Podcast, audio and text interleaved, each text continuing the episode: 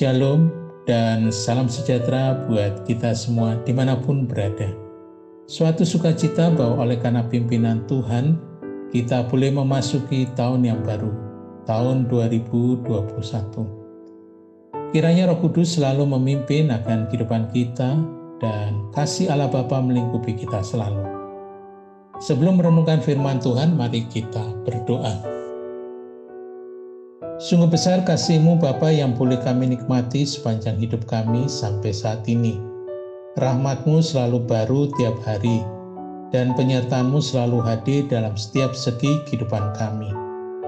Tahun yang baru sudah Tuhan berikan, dan kami percaya pimpinan-Mu juga ada buat kami. Saat ini kami akan merenungkan firman-Mu, kiranya kuasa roh kudus menolong kami, sehingga kami dapat mengerti dan melakukan dalam hidup ini hari lepas hari. Di dalam nama Tuhan Yesus, kami berdoa. Amin. Mari bersama kita akan membuka firman Tuhan dari Yeremia 29 ayat yang ke-10 sampai yang ke-11. Yeremia 29 ayat yang ke-10 sampai yang ke-11. Sebab beginilah firman Tuhan, Apabila telah genap 70 tahun bagi Babel, barulah aku memperhatikan kamu. Aku akan menepati janjiku itu kepadamu dengan mengembalikan kamu ke tempat ini. Sebab aku ini mengetahui rancangan-rancangan apa yang ada padaku mengenai kamu.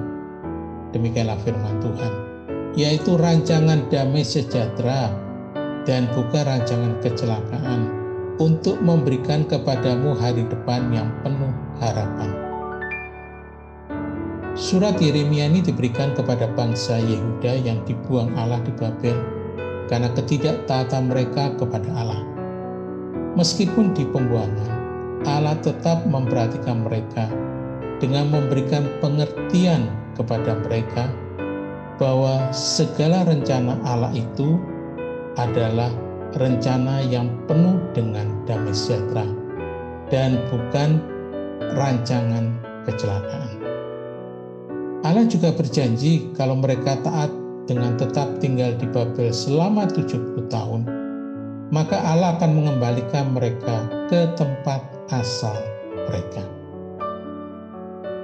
Bapak, Ibu, dan saudara sekalian, memasuki tahun 2021 ini, Tentu kita punya banyak rencana yang akan kita lakukan, baik untuk keluarga, usaha, pekerjaan, pelayanan kita, dan lain sebagainya. Sebagaimana Allah merencanakan damai sejahtera buat bangsa Yuda, tentu rencana yang kita buat adalah juga untuk kebaikan kita.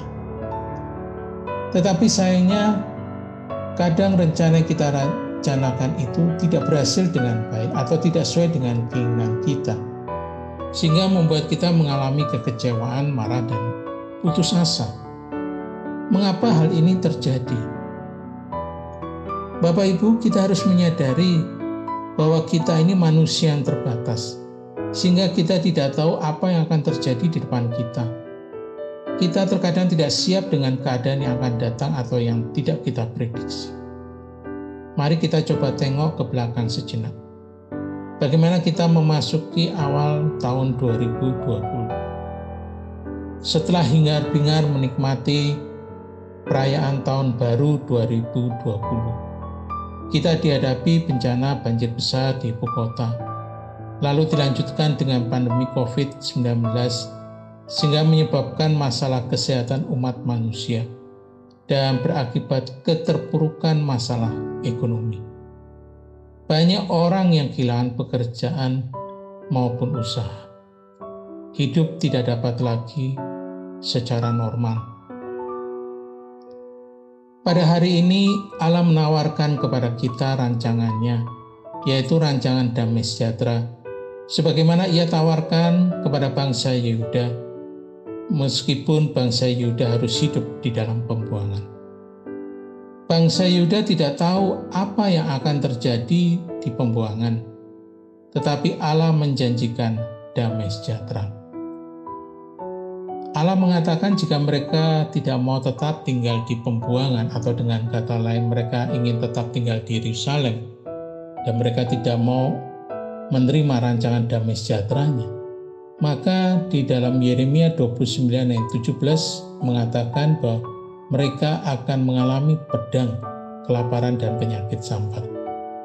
Apakah kita akan menerima rancangan Allah yang penuh damai sejahtera atau kita tetap berkeras untuk menjalankan rancangan kita di tengah situasi yang tidak menentu.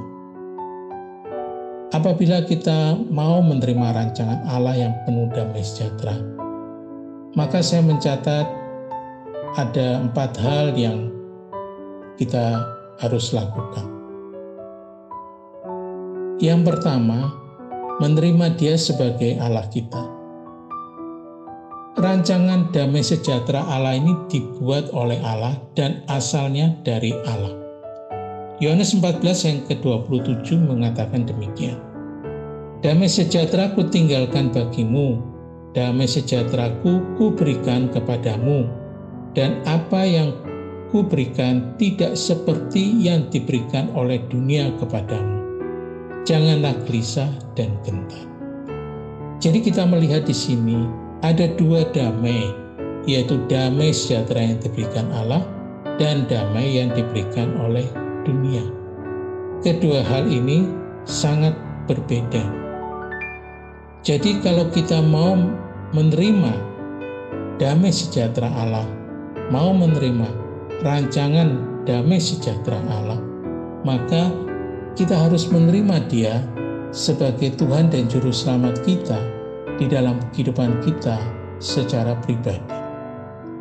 Wahyu 3.20 mengatakan, Lihat, aku berdiri di muka pintu dan mengetuk. Jika ada orang yang mendengar suaraku dan membukakan pintu, aku akan masuk mendapatkannya, dan aku akan makan bersama-sama dengan dia, dan ia bersama-sama dengan aku. Kira kalau kita mengundang dia masuk dalam hati kita, maka dia akan masuk dan akan bersekutu dengan kita. Tidak ada cara lain untuk menerima damai sejahtera. Kita harus mengundang dia secara pribadi di dalam kehidupan kita. Hal yang kedua yaitu mencari kehendak Allah. Ketika kita sudah menerima dia sebagai juru selamat kita, maka selanjutnya kita harus mencari kehendak Allah dalam kehidupan kita masing-masing. Bagaimana mengetahui kehendak Allah? Untuk mengetahui kehendak Allah, maka kita harus mengenal Allah dengan baik. Dan untuk mengenal Allah, maka kita hanya dapat mengetahuinya melalui firman Allah. Melalui firman-Nya, kita tahu apa yang menjadi keinginan Allah bagi kehidupan kita. Jadi kita menghadapi pergumulan ini, kita akan mengerti apa yang harus kita lakukan. Ketika kita masih belum menemukan, maka kita harus tetap tekun mencari kehendaknya. Perbanyaklah untuk mendengar firman Tuhan atau menyanyikan puji-pujian. Sebagai contoh, ketika kita mempunyai rencana apa yang harus kita perbuat dalam kehidupan ini, maka sesuai dengan kehendak Tuhan, di dalam Amsal 16 ayat 3 dikatakan demikian. Serahkanlah perbuatanmu kepada Tuhan, maka terlaksanalah segera rencanamu. Jadi, ketika kita tahu akan kehendak Tuhan, ketika kita mempunyai rencana, maka Allah mengendaki kita untuk menyerahkan segala perbuatan kita kepada Tuhan. Ketika Tuhan mengatakan jangan takut, maka Tuhan mengendaki juga kehidupan kita untuk tidak hidup di dalam ketakutan. Bapak Ibu kita harus mencari terus kehendak Allah dan kita pasti menemukannya sesuai dengan janjinya. Hal yang ketiga, melakukan kehendak Allah. Ketika kita sudah mengetahui kehendak Allah, maka kita harus menerapkan dalam kehidupan kita agar kita melihat kuasa Allah bekerja dalam kehidupan kita. Dengan melakukan firman Allah, maka iman kita juga akan bertumbuh dalam Kristus. Allah mengendaki kita hidup dalam iman percaya kepada Kristus dan tidak lagi bergantung kepada keadaan kita atau bergantung pada orang lain, bahkan pada diri sendiri. Ketika kita melakukan kehendak Allah, Maka di dalam Yeremia 17 ayat 7 mengatakan hidup kita akan diberkati. Tetapi jika kita mengandalkan manusia dan diri sendiri, maka di dalam Yeremia 17 ayat yang kelima, hidup kita akan menjadi tuh. Demikian juga bangsa Yuda. Ketika mereka taat, mereka akan hidup dalam rancangan Allah yang penuh damai sejahtera. Meskipun keadaan sekeliling tidak mendukung. Ketika pemikiran negatif mulai muncul dalam pikiran kita atau godaan-godaan muncul, maka kita tetap harus melakukan kehendak Allah. Kita harus melawannya dengan firman Tuhan. Ketika keadaan menjadi mustahil, maka kita harus katakan bahwa tidak ada yang mustahil bagi Allah. Ketika sakit melanda kita, maka kita harus pandang salib Kristus di mana tubuhnya telah dikorbankan dan darahnya mengucur untuk menyembuhkan sakit penyakit kita. Ketika kita takut, kita harus katakan bahwa Allah tidak pernah memberikan kepada kita roh ketakutan. Jadi pandanglah Yesus, lakukan kehendaknya untuk menunjukkan iman kita kepada Allah. Allah senang kepada anak-anaknya yang menaruh percaya kepadanya 100%. Karena itu kita harus melakukan melakukan kehendak Allah dalam kehidupan kita. Ingatlah bahwa Allah telah memberikan Roh Kudus untuk menolong kita. Karena itu mintalah pertolongan dari Roh Kudus. Hal yang keempat, berserah dan bersandar kepada Allah. Ketika kita telah menerima sang sumber damai sejahtera dan mencari kehendaknya, serta melakukannya, maka hal yang terakhir adalah berserah dan bersandar hanya kepada Allah. Bangsa Yuda diminta untuk menetap di Babel sebagai bentuk ketaatannya dan Allah meminta agar mereka hidup di tanah pembuangan dengan terus hidup berharap dan bersandar kepada Tuhan. Bahwa nantinya ketika waktunya tiba, mereka akan kembali ke Yerusalem. Ketika kita berserah dan bersandar, maka ini menunjukkan bahwa hidup kita benar-benar hidup yang bergantung kepada Allah. Dan kita tahu, jika kita berharap kepada Tuhan, kita tidak akan mengalami kekecewaan hidup kita tidak akan mengalami putus asa lagi, tidak akan mengalami kekhawatiran, karena kita tahu ketika rancangan kita tidak berjalan dengan baik, atau situasi keadaan kita tidak berjalan dengan baik, kita tahu bahwa rancangannya adalah rancangan damai sejahtera. Oleh karena itu, sikap berserah adalah sikap yang bersyukur kepada Allah atas segala sesuatu yang terjadi dalam kehidupan kita. Hal ini menunjukkan karena kita percaya ada masa depan buat kita dan berharap kepada Allah tidak akan pernah mengecewakan kita. Bapak Ibu dengan keempat hal di atas, maka kita akan melihat dan kita akan bisa menikmati akan kehidupan dalam rancangan Allah yang penuh damai sejahtera. Kiranya kita boleh memasuki tahun 2021 dengan rancangan Allah dalam kehidupan kita. Mari kita berdoa. Bapa sungguh indah kehidupan ini bila kami hidup dalam rancanganmu. Rancanganmu yang mendatangkan damai sejahtera bagi kami.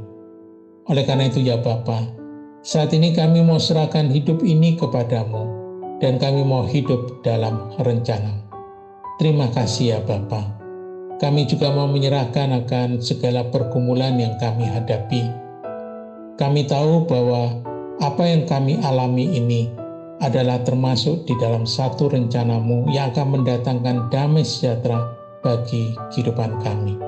Oleh karena itu, biarlah kami tetap terus mencari kehendakmu, kami terus melakukan kehendakmu, kami terus hidup dalam berserah dan bersandar kepadamu saja. Maka kami akan melihat pemulihan terjadi di dalam hidup kami.